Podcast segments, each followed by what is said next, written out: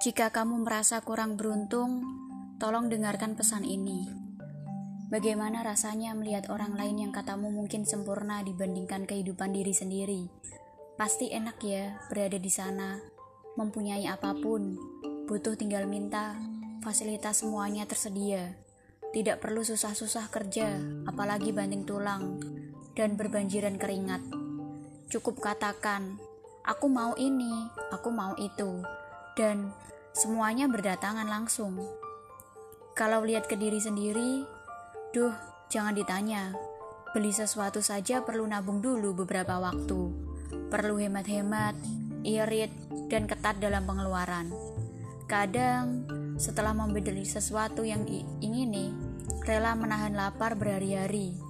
Mau apa-apa, perlu usaha, tidak bisa tinggal minta. Sulit. Akhirnya, kita pun merasa hidup ini tidak berpihak ke kita, merasa kurang beruntung, gak adil aja gitu. Orang lain bisa enak-enak, tidur nyaman, beralas kasur yang empuk, berselimut kain yang lembut, sedangkan diri sendiri hanya beralas kapuk dan selimut potongan kain. Susah. Ujungnya kita pun menganggap kalau di dunia tidak ada yang paling menyedihkan kehidupannya dibandingkan kehidupan diri sendiri. Oke, kita lanjut ke podcast yang kedua ya. Sampai jumpa.